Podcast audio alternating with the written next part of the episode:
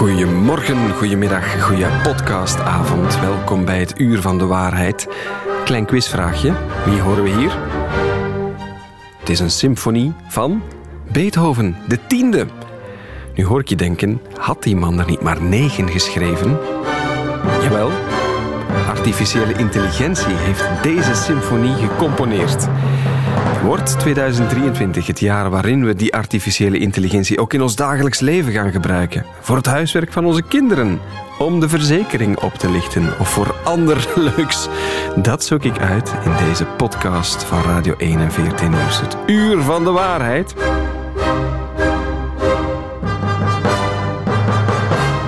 Twee specialisten bij mij. Mieke de Ketelaar, om te beginnen. Madame AI wordt je ook wel genoemd, Mieke. Voormalig programmadirecteur artificiële intelligentie bij IMEC en nu actief uh, bij Vlerik. Een hele goede morgen. Goedemorgen. Jij ziet jezelf ook als de brug tussen de gewone burger en de AI-wereld, heb ik begrepen. Ja, dat klopt. Ik denk dat er inderdaad nog heel veel werk te doen is. Ja, dat gaan we proberen uh, te doen de komende, het komende half uur. En ook bij ons, Christine van Damme, uh, bij de UGent en daarvoor bij de Artevelde Hogeschool. Uh, mediaonderzoek en ook specialist over deepfake. Dat gaat dan, iedereen kent dat wel, die beelden van mensen die niet echt die mensen zijn, toch die stem gebruiken.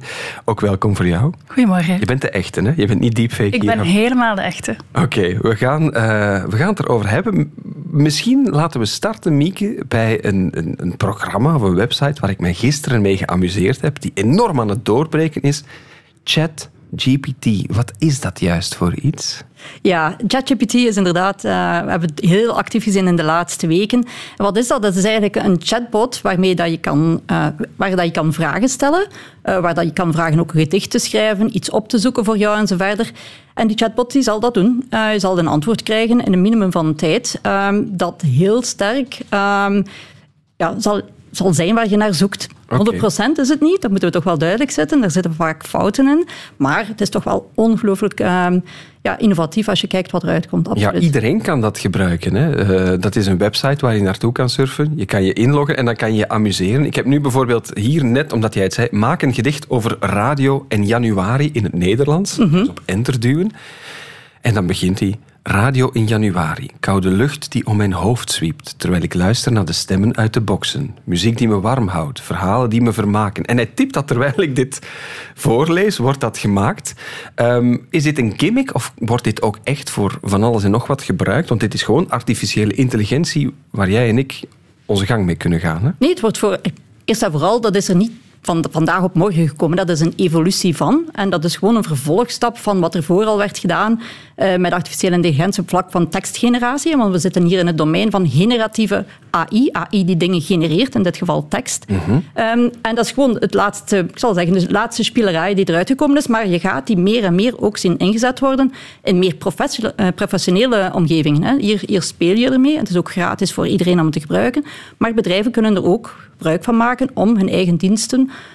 verder ja, uit te werken. Op welke manier bijvoorbeeld? Kan je dat eens concreet maken? Um, zeker. Um, je kan bijvoorbeeld dit inzetten, of bedrijven gaan dit inzetten um, in communicatieve uh, afdelingen.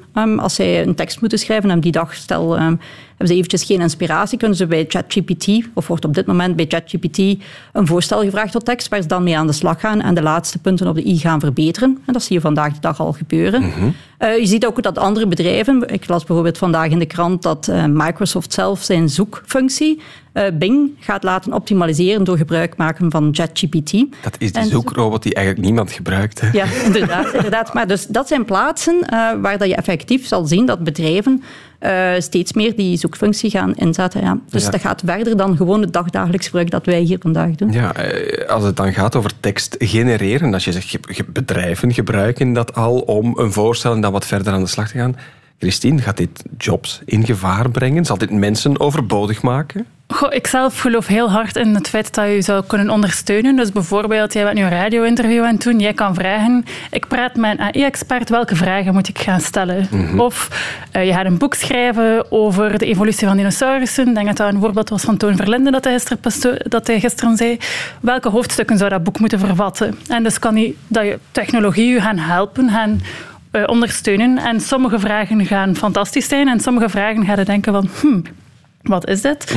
Maar uh, ik geloof wel heel hard in het ondersteunende en dat ook journalisten of mediamakers of welke codeurs is ook iets uh, ja. dat dat gewoon een nieuwe manier zal zijn om informatie te gaan zoeken en jobs zullen ondersteund worden. Ja, ondersteunen, dat, dat, klinkt positief. Als ik dan denk bijvoorbeeld ook aan de mogelijkheden, dan zitten we ook snel in het onderwijs natuurlijk. Want je kan dit ding ook, ik heb dat gisteren geprobeerd, ook een essay van duizend woorden laten schrijven als het gaat over, ik zeg maar iets... Uh, zin of onzin van wapenbezit. Dan gaat hij helemaal los.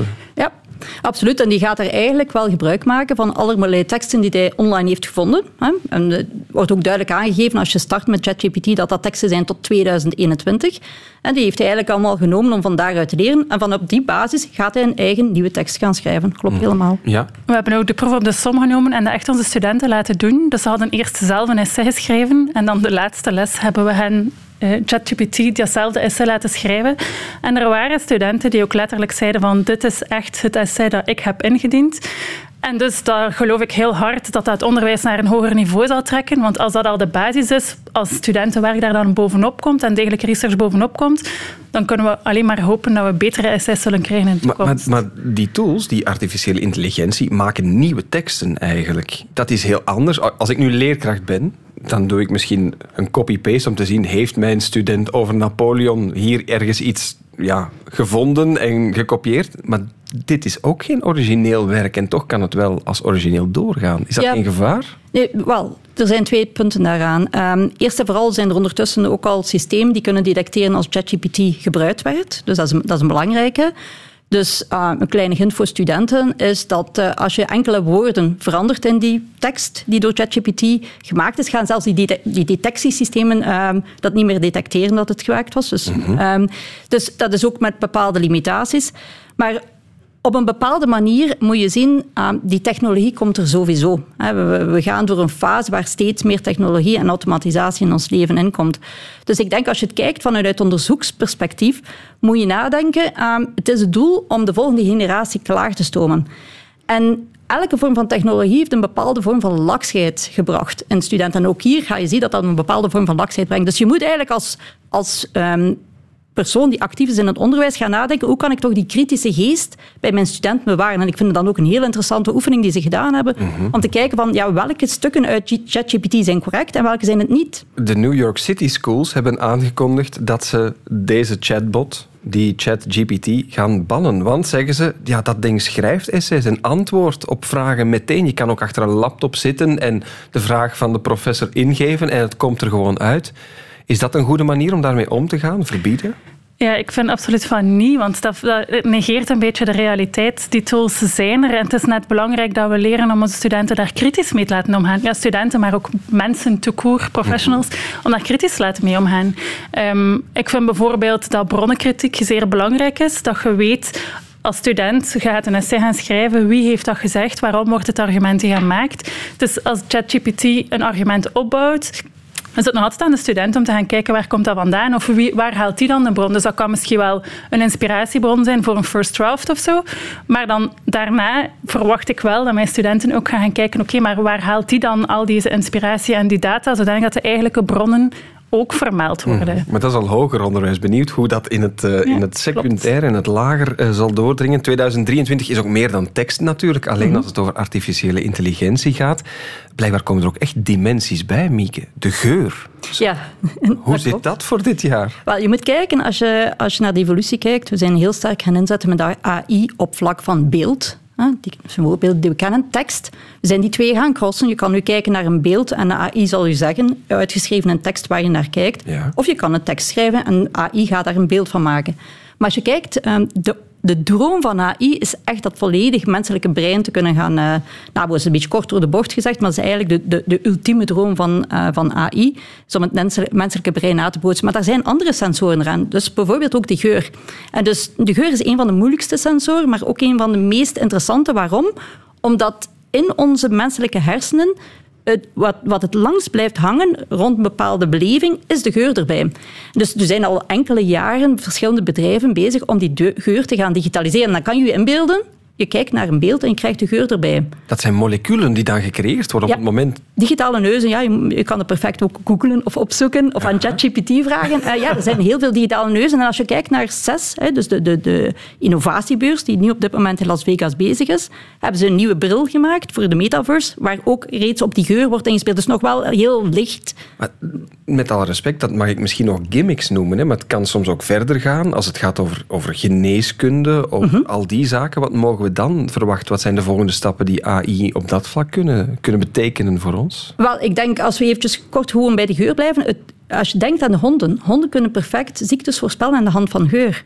Wel, denk even verder door. Als AI dat ook kan digitaal, kan je bepaalde ziektes voorspellen op basis van een, ja, een, een, apparaat dat je hebt, kan je als een patiënt binnenkomt meehelpen voorspellen welke, welke ziekte dat die patiënt mogelijk zou kunnen hebben. Net dat wordt ontwikkeld, hè? Ja, ja, absoluut.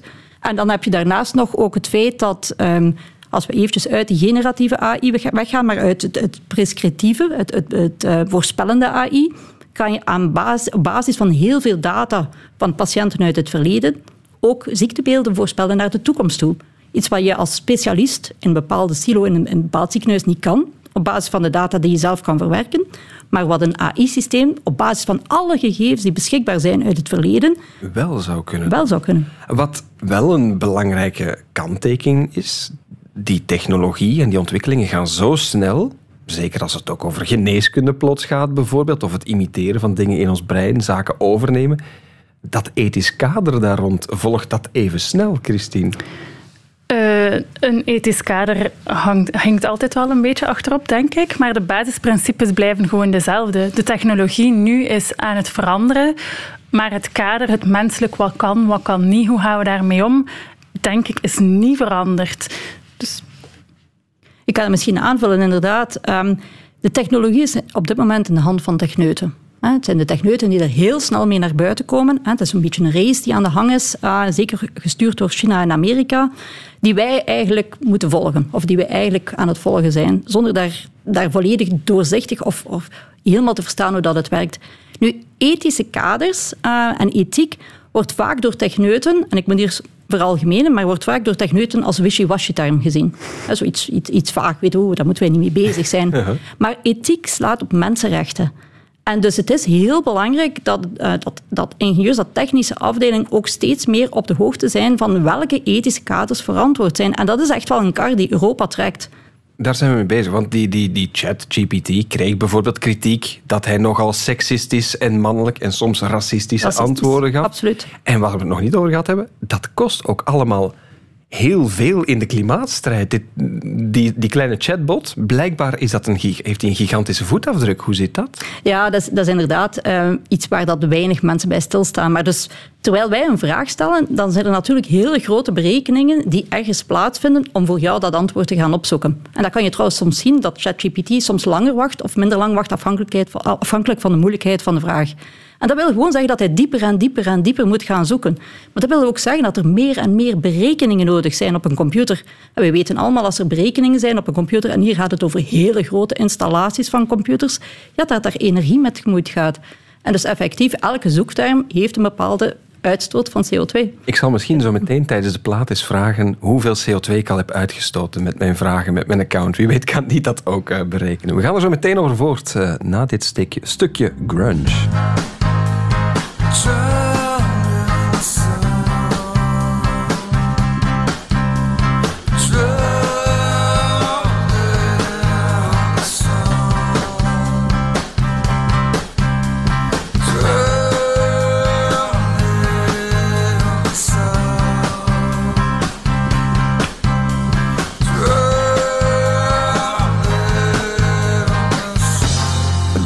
in the Sun. Misschien een kleine quizvraag aan onze aanwezigen. Van welke band was dit?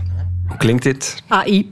AI, ja. Klinkt als Nirvana. Maar Nirvana gegokt hebben, inderdaad. Het is, het is een, een, een tribute-zanger van Kurt Cobain, maar de rest, de muziek, de lyrics, de pauzering, is volledig door AI gemaakt. Het is een heel album dat ook nummers van Amy Winehouse, Jimi Hendrix, die club van 27. Wat hadden ze nog kunnen maken? Dat was eigenlijk eh, de insteek. Wie moet er eigenlijk vrezen voor zijn job? Als je dit zelfs al hoort, uh, muzikanten, we hadden die symfonie van Beethoven.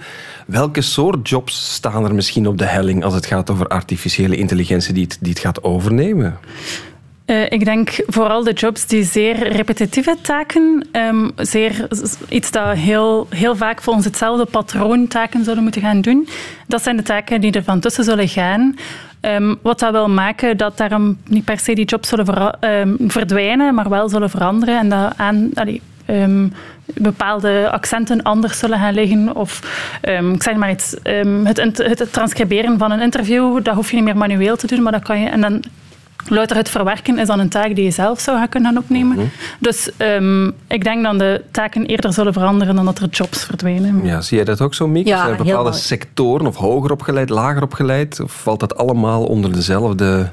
Uh, nee, maar dus, dus eerst, eerst en vooral helemaal eens. Dus dat de taken gaan veranderen. Hoe dat die gaan veranderen, dat is te vroeg. Maar elke vorm van automatisatie heeft een verandering uh, veroorzaakt. Maar is het echt enkel in de, in de blue-collar jobs? Nee. En echt elke repetitieve taak kan je inbeelden, gaat vroeg of laat door, door een, een machine kunnen worden overgenomen. Ook professoren in het hoger onderwijs?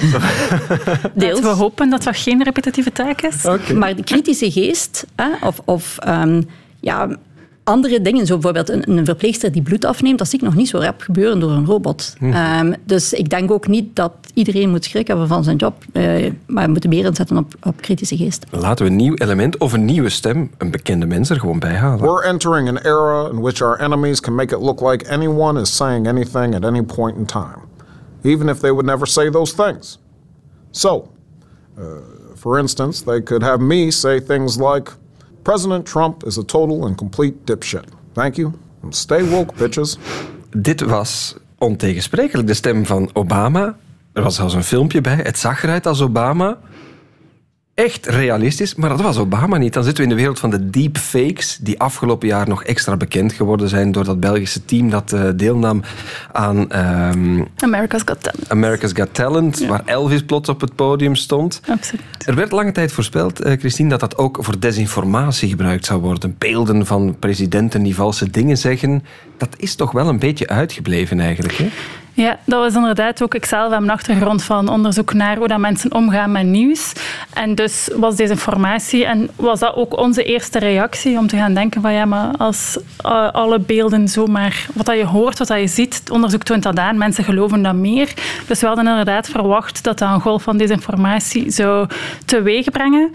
Maar eigenlijk merken we dat we nu dat dat toch inderdaad niet 100% de, het effect heeft of zo. Vooral omdat blijkt omdat filmpjes maken of deepfakes maken niet de meest efficiënte manier is om um, nepnieuws te gaan verspreiden. Oké, omdat iedereen daar net met zijn ogen in een vergrootglas op zit ja, waarschijnlijk. Zeker vooral uh, journalisten. Wij hebben een goed ecosysteem waarin dat er vaak gefactcheckt wordt. Als er opvallend audiomateriaal of videomateriaal is, dan gaan er gewoon alarmbelletjes gaan af, afgaan. En dan wordt dat eigenlijk vrij snel ontmaskerd. En als je dus echt zeer doel bewust mensen wil gaan misleiden, is dat niet de meest efficiënte manier. Nee, maar het wordt al wel misbruikt. In de wereld van de criminaliteit bijvoorbeeld, afgelopen jaar. Ja, klopt. En misschien de toekomst nog meer. Hoe zit dat? Hoe, ja, er is bijvoorbeeld um, al een bankoverval gebeurd aan de hand van deepfake audio. Dus mensen, de, iemand die bij een bank werkte, die de stem heeft nagedaan van een directeur, die belde dat er een zeer dringend groot bedrag moest overgeschreven worden. Het ging over 35 miljoen dollar.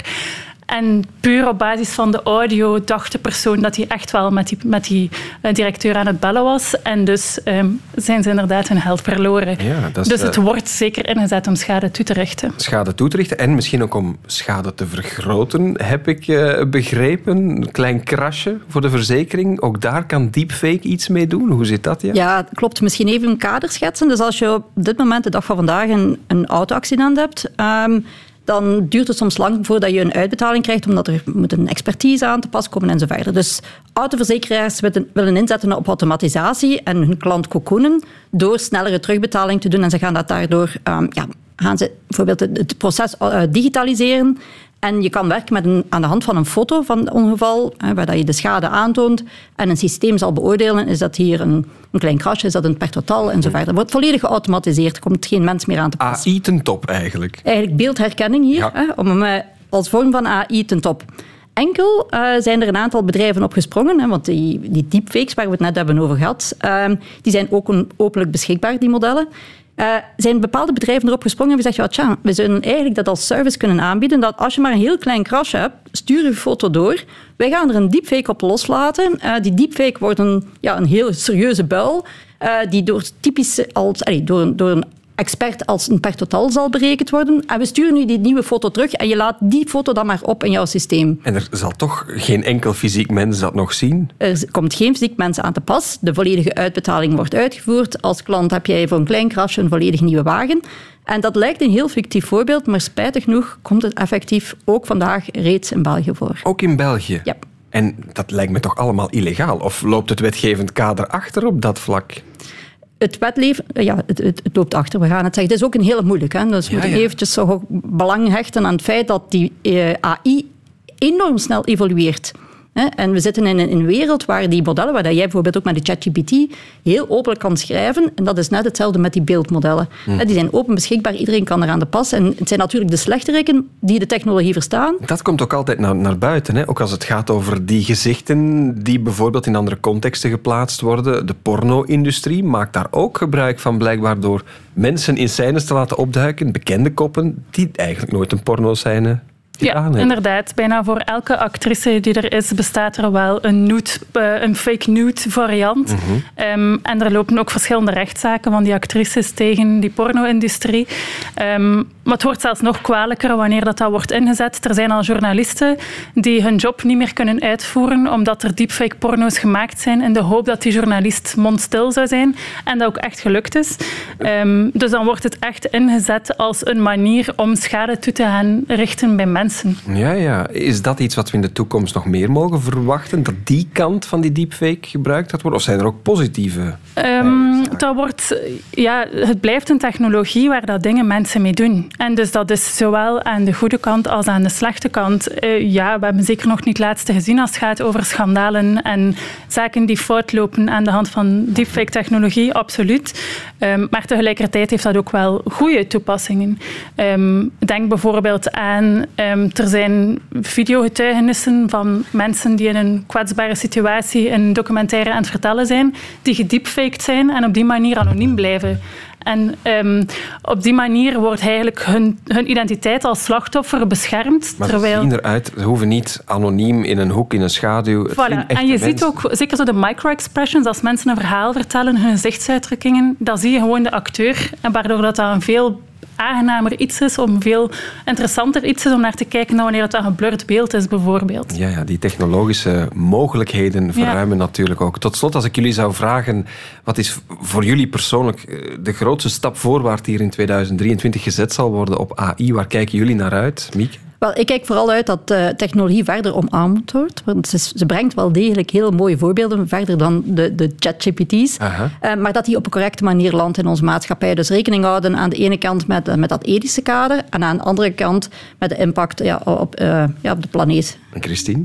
Ja, ik hoop dat we vooral voorbij het gimmicky niveau gaan. Dus zoals we vandaag nu aan het testen waren en ook met de DALI zingen aan het maken zijn, dat we daar de stap verder, dat eens dat we dan begrijpen, oké, dit doet het, ook kunnen gaan de, de, volgende stap, namelijk en wat kan dat dan betekenen voor mij of hoe kan ik dat inzetten of mijn bedrijf of breder nog. Um, dus ja, voor beide gimmick denk ik. Oké, goed. Laat uh, dit gesprek dan misschien een eerste stap aan het begin van dit jaar in die richting zijn. Mieke de Ketelaren en Christine van Damme, dank jullie wel voor jullie komst. Graag gedaan. Het uur van de waarheid. De checkers. Een nieuw jaar en hij heeft de overgang goed overleefd. Dat is onze chef fact-checking bij de VRT, Luc van Bakel. Luc, een hele goede morgen. Goedemorgen, Dennis. Je gaat elke week opnieuw komen vertellen welke opmerkelijke fact-checks er gebeurd zijn, wat we kunnen geloven en wat niet. En starten doen we bij een zeer opmerkelijke jobadvertentie. Want uh, het grote Wereld Economisch Forum, dat begint volgende week in Zwitserland, daar zijn ze op zoek naar blonde vrouwen, Luc. Dat uh, wordt alleszins beweerd. Uh, we kregen op onze redactie een, een, jobadvertentie toegestuurd van een luisteraar en die meldde het volgende. Blonde hostesses gevraagd, bij voorkeur tussen de 18 en de 26 jaar oud en groter dan 1,70 meter alsjeblieft. Klinkt vrij seksistisch, maar is dit nu echt of gaat het om satire? Uh, collega Tim Verheijden die heeft dat voor ons uitgezocht. Ja, die vacatures blijken echt te zijn. De vacature is gelinkt aan een bedrijf in de sector van de hernieuwbare energie. BNL heet dat bedrijf. En die hebben een hoofdkantoor in Zwitserland. En de Zwitserse krant Blik heeft contact gehad met hen, maar BNL wist van niets. Maar ze vermoeden daar dat een Duitse afdeling van BNL iets met de vacature te maken heeft, omdat de hostessen in euro zouden betaald worden en niet in Zwitserse franken. Niet onbelangrijk detail. Ehm, de vacature zelf die is discriminerend. Leeftijd en haarkleur, dat is weinig relevant voor de job, zei de VDA Bemen. En het Wereld Economisch Forum die distancieren zich van de advertentie. Goed uitgezocht van Tim, want samengevat, die jobadvertentie die bestond echt. Alleen is ze niet door het Wereld Economic Forum zelf geplaatst, maar door een bedrijf dat daar een stand heeft in de rand van het congres. We blijven bij de bergen, want van Zwitserland naar Oostenrijk. Er ging afgelopen week een filmpje viraal van een elektrische bus die door een dieselgenerator wordt opgeladen. Ja, op dat filmpje uh, zie je inderdaad een reisbus staan, zo'n typische reisbus. En die wordt bijgeladen door een, grote vervuilende dieselgenerator. En die video die kan je zien op Twitter, op YouTube, ook op Facebook. Wordt ook enorm veel gedeeld. Een uh, Nederlandstalige tweet die werd al snel meer dan 140.000 keer bekeken. En mensen lachen voornamelijk om uh, wat zij dan noemen de onzin van het elektrische rijden. Maar is die video ook echt? Dat is de vraag die wij ons dan altijd stellen. En onze Nederlandse collega uh, van Nieuwscheckers, Peter Burger, heeft het onderzocht. Het is waar en het is niet waar, maar het is vooral niet waar. Uh, wat er aan de hand was, is het is een bus in Oostenrijk en die werd bij wijze van test opgeladen met een dieselaggregaat. Voor het geval in de toekomst een keer de stroom uitvalt. Uh, want ja, dat gebeurt wel eens. En als de stroom bijvoorbeeld in een deel van de stad uitvalt, dan moeten de bussen toch kunnen blijven rijden. Dus dat was, dat was alles. Maar uh, de video daarvan uh, die ging met allemaal boodschappen waarin elektrische bussen belachelijk werden gemaakt de wereld over. Ja, maar samengevat werd die bus aan een dieselgenerator gehangen. Dat wel, maar zegt dat iets over de betrouwbaarheid van elektrische bussen? Nee, dat is een beetje uit zijn context getrokken. In het nieuwe jaar ook nieuw, opnieuw liever de oorlog in Oekraïne die opduikt. Want in afgelopen in Europese media liever verscheen afgelopen week het verhaal dat president Poetin van Rusland wel heel vaak geflankeerd werd door dezelfde blonde vrouw. Geen idee hoe hij die heeft ingehuurd of via welke jobadvertentie, maar dus één blonde vrouw. En er wordt beweerd als een actrice, Luc. Ja, dat staat toch in uh, heel wat media in heel Europa. Uh, wordt beweerd dat uh, die soldaten, die door Poetin dan gedecoreerd wordt, dat, dat, eigenlijk, dat die eigenlijk niet echt in het leger dient. En er duiken foto's op van zogezegd diezelfde vrouw, die eerder al als of in een kerk naast Poetin stond op oudere beelden.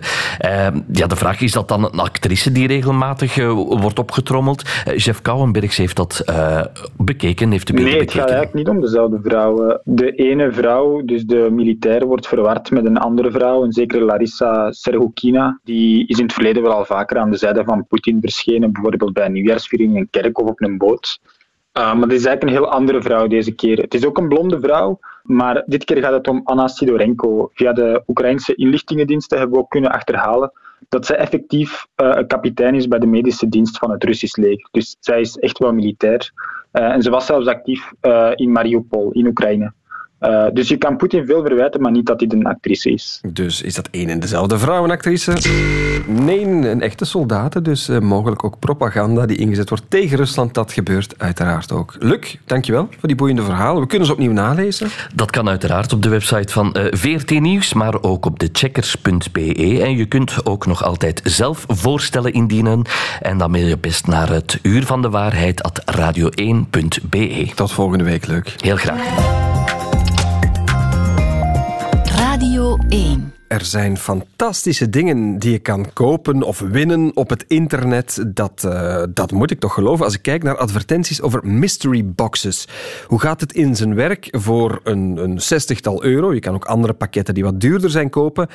Ja, haal je een mysterieuze doos in huis en daar kan ook een PlayStation 5 in zitten. Of topproducten van Apple. Je krijgt sowieso elektronica en misschien haal je de hoofdprijs binnen. Rien Emery van onze redactie, een hele goede morgen goedemorgen. Rien, jij hebt dat niet gekocht, maar je hebt wel ontdekt dat er heel veel klachten over die mystery boxes de ronde doen. Wat zijn die klachten? Wel, je krijgt dus een filmpje te zien op sociale media van iemand die een groot pakket of een grote doos uitpakt waar er allerlei heel dure dingen uitkomen, die je zogezegd gekocht hebt voor een lage prijs. Wat beweren die bedrijven die zo'n dozen verkopen? Zij zijn eh, bedrijven die allerlei retours of niet afgehaalde pakketten hebben teruggekregen en die vermengen in pakketten en die dan verkopen aan jou. En er is geen garantie wat erin zit, maar eh, kijk, waag je kans. Dat is een beetje de, de, de, de pitch die men doet. Mhm. Ehm, je wordt dan afgeleid naar hun website, daar kan je die, die bestellen en dan krijg je iets in de bus, misschien. Wat is nu het probleem? De meeste mensen krijgen ofwel inderdaad niks in de bus, ofwel een pakketje dat rechtstreeks vanuit China komt. Uh, van AliExpress of een andere grote verstuurder van pakketjes uit, uh, uit China. Dus wat is hier aan de hand? Dit is wat men noemt dropshipping. Um, een bekende techniek om een webshop te maken, geen stok in te kopen, producten daarop te zetten en als mensen die bestellen, die rechtstreeks uit China te laten sturen naar je klanten met een grote marge. Maar er is nog een groot aspect erbovenop, namelijk hier spiegelt men voor, je kan die grote boxen vinden met grote prijzen. Wat mensen echt in bus krijgen is hoogstens een envelop met een hoofdtelefoon in of een klein selfie-lichtje of uh, dat is het. Weet al, kleine prolaria die een enkele euro's waard zijn. Dus je bent eigenlijk opgelicht als je die bestelt. Oké, maar er zijn ook filmpjes en foto's van mensen die echt heel veel iPhones en, en PlayStations daaruit halen. Ja, klopt. Uh, meestal komen die ergens van het internet geplukt. Dus zijn er geen klanten van die bedrijven zelf. Maar er zijn ook gewoon uh, allerlei valse profielen die die bedrijven ook aanmaken op bijvoorbeeld Facebook, om dan te gaan reageren op hun eigen advertenties om te doen alsof ze zo'n pakketten ontvangen hebben. Om, om zich voor te doen als tevreden klanten. En dat, dat, dat patroon van misleiding zet zich door naar heel die websites. Op die site waar je die dozen kan bestellen staat ook een vals artikel van een Nederlandse krant over het fenomeen van de mystery boxes dat zo populair is en over moeders die hun zonen allerlei cadeaus hebben kunnen geven in zo'n mystery box, etc. Een vals artikel dat nooit in die krant verschenen is. Okay. Onderaan staan valse recensies met goede, goede recensies van, van klanten.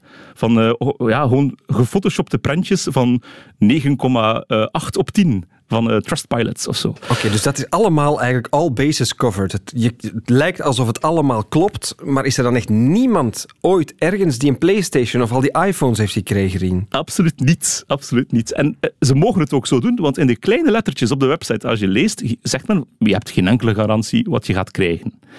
Je trapt een beetje in het filmpje, maar als je de lettertjes leest, zegt men van er is geen enkele garantie dat er iets in zit van de waarde die je ervoor betaalt. Ja, dus, het is wel de goede periode. Hè? Pakjes, mensen doen geloven, misschien kan je je kind met iets blij maken. Ja. Hoe kan je je daar dan tegen verweren? Want het staat wel in die lettertjes, zeg je. Het staat in de lettertjes en dat bekijken is op zich al een goed idee. Er staat ook zo gezegd dat er uh, ja, vestigingen zijn in ons land, maar als je in die lettertjes kijkt opnieuw, zie je dat het vestigingen zijn in het buitenland, in China of in Engeland of gelijk waar. Okay. Dus het zijn meestal ook mensen die ja, ergens uh, zich verstopt hebben achter een vennootschap in het buitenland, die je nooit gaat kunnen terugvinden of, uh, of gaat kunnen aanspreken om je geld terug te krijgen. Dus het allereerste is van check het eens dubbel. Vertrouw niet zomaar op wat er op een website staat, maar ga ook eens naar de website echt kijken. Er zijn websites zoals Trustpilot, waar je consumenten hebt die allerlei recensies schrijven over bedrijven. En daar zie je, die bestaan ook voor, de, voor die webshops met die mystery boxes, dat die zeer lage scores krijgen, omdat mensen heel boos zijn dat ze opgelicht zijn. Dus uh, vertrouw nooit wat op de website zelf staat. Ja, de belofte mag je niet vertrouwen, de kleine lettertjes wel. Mystery boxes met Playstations en grote dozen vol iPhones en blije mensen, dat lijkt niet helemaal te kloppen. Je kan heel het verhaal ook nalezen op VRT Nieuws als je nog meer details hierover zoekt. Rien Emery, dankjewel. Ciao. De waarheid. Radio 1. We gaan naar een stad aan de kust. Want eh, aan de kust zijn er berichten opgedoken, kort na de jaarovergang, dat er mensen opnieuw het slachtoffer zijn geworden van valse spookappartementen. In Blankenbergen onder andere, daar stond een gezin plots ergens in de buurt van de dijk aan een appartement. Voorschot betaald, via Marketplace hadden ze dat geregeld. Dat is een, uh, ja, een platform via van Facebook. Maar er was geen appartement. En er was wel een appartement voor een ander gezin. Het gezin van Nico Mervilde uit uh, Roeselare. Die was dan weer in Kokzijde terechtgekomen en vertelde dit bij de collega's van Radio 2 in West-Vlaanderen. Het appartement bestond en uh, de oplichter of oplister wist ook dat het op het zesde verdiep was. Alles zag er heel logisch uit, totdat we op zesde verdiep stonden met ons kindjes. Uh, toen hebben de buren ons een beetje proberen te helpen met de eigenaar op te zoeken van het appartement. Of hadden de oplichter uh, op te zoeken, maar uh, daar was natuurlijk geen spoor meer van. Dat was in Kokzijde, maar in Blankenbergen weten ze er ook wat van. En ik probeer op dit moment contact te leggen. En normaal gezien, als alles goed gaat, gaan we dat nu kunnen doen. Dus als alles goed gaat, hangt nu de woordvoerder van de politiezone Blankenbergen-Zuikerken aan de lijn. Dat is Jan Maartens. Jan, een hele goede morgen. Goedemorgen, hallo. Jan, gebeurt dat vaak dat mensen in Blankenberg dan, in jullie zone, aangifte doen van spookappartementen? Ja, dat komt jammer genoeg regelmatig voor. We hebben een aantal gelijkaardige aangiftes gekregen. Het komt wat met pieken en dalen, maar uh, we nemen of we stellen vast dat het in de laatste jaren enkel nog toeneemt. Ja, het neemt toe, want bijvoorbeeld dat ene adres waarvan die mensen kort na nieuwjaar in de krant waren beland bij jullie in Blankenbergen, dat is een dat heel vaak gebruikt wordt, blijkbaar. Ja, ik kan, uh, ik kan stellen, bij ons hier in Blankenberg hebben wij een tiental gelijkaardige uh, aangiftes gekregen van mensen die zijn opgelegd geweest op dat adres alleen uh, vorig jaar. Ja, en zijn er veel van die adressen, langs heel de kust bijvoorbeeld? Maar wij hebben natuurlijk weet van de mensen die aangifte doen bij ons in Blankenbergen. Wij hebben geen zicht op de cijfers of van mensen die aangifte doen buiten onze politiezone. Ik kan me ook voorstellen dat er mensen zijn waar het nadeel uh, vrij klein is, tussen aanhalingstekens, die daarvan geen aangifte doen. Dus we hebben daar een, een dark number. We hebben niet altijd volledig zicht op het volledige cijfers. Maar ik weet dat er uh, nog adressen zijn buiten onze politiezone waar dat, dat ook gebeurt. Ja, in, in grote lijnen, hoe gaan die oplichters te werk? Hoe overtuigen ze mensen dat ze een echt appartement hebben dat er eigenlijk geen is? Wel, meestal is het zo, uh, men maakt een vals profiel aan, uh, meestal op sociale media, en men dan stelt dan zogezegd een appartement te huur, uh, die ofwel niet bestaat, ofwel een bestaand appartement die niet van hen is. Uh, men maakt een aantal afspraken met een, een mogelijkse huurder en men vraagt om een voorschot of het integrale bedrag te storten op een rekening. Het geld wordt overgemaakt uh, naar, die, naar die rekening die wordt vooropgesteld. En dan wordt het geld doorgesluist naar andere rekeningen, al dan niet in het binnenland, maar meestal gaat dat naar het buitenland.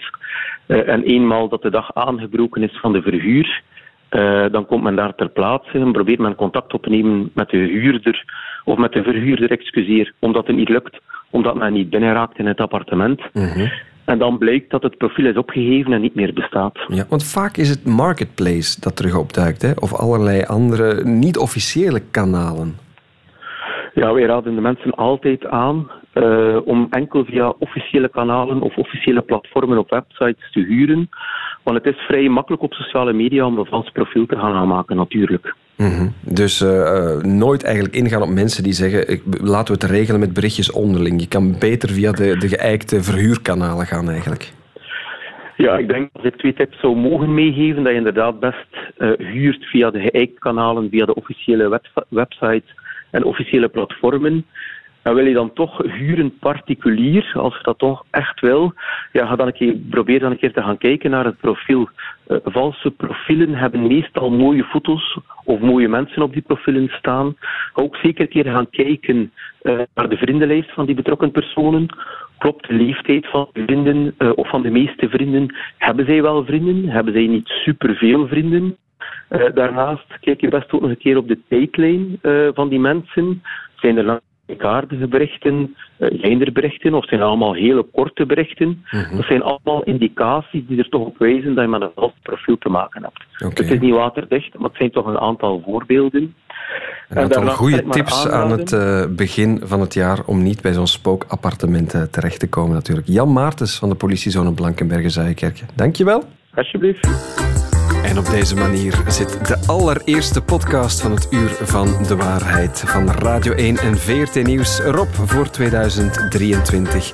Maar niet getreurd, er zijn heel veel andere afleveringen die je kan herontdekken op één adres. Dat is de app van VRT Max. Daarin vind je zoveel straffe content trouwens. En dat is zeker geen... Fake news, fake news. There's never been an innovation that's so easy to do. They used to be lies, now they're alternative truths. So if you fake it with me, I'll fake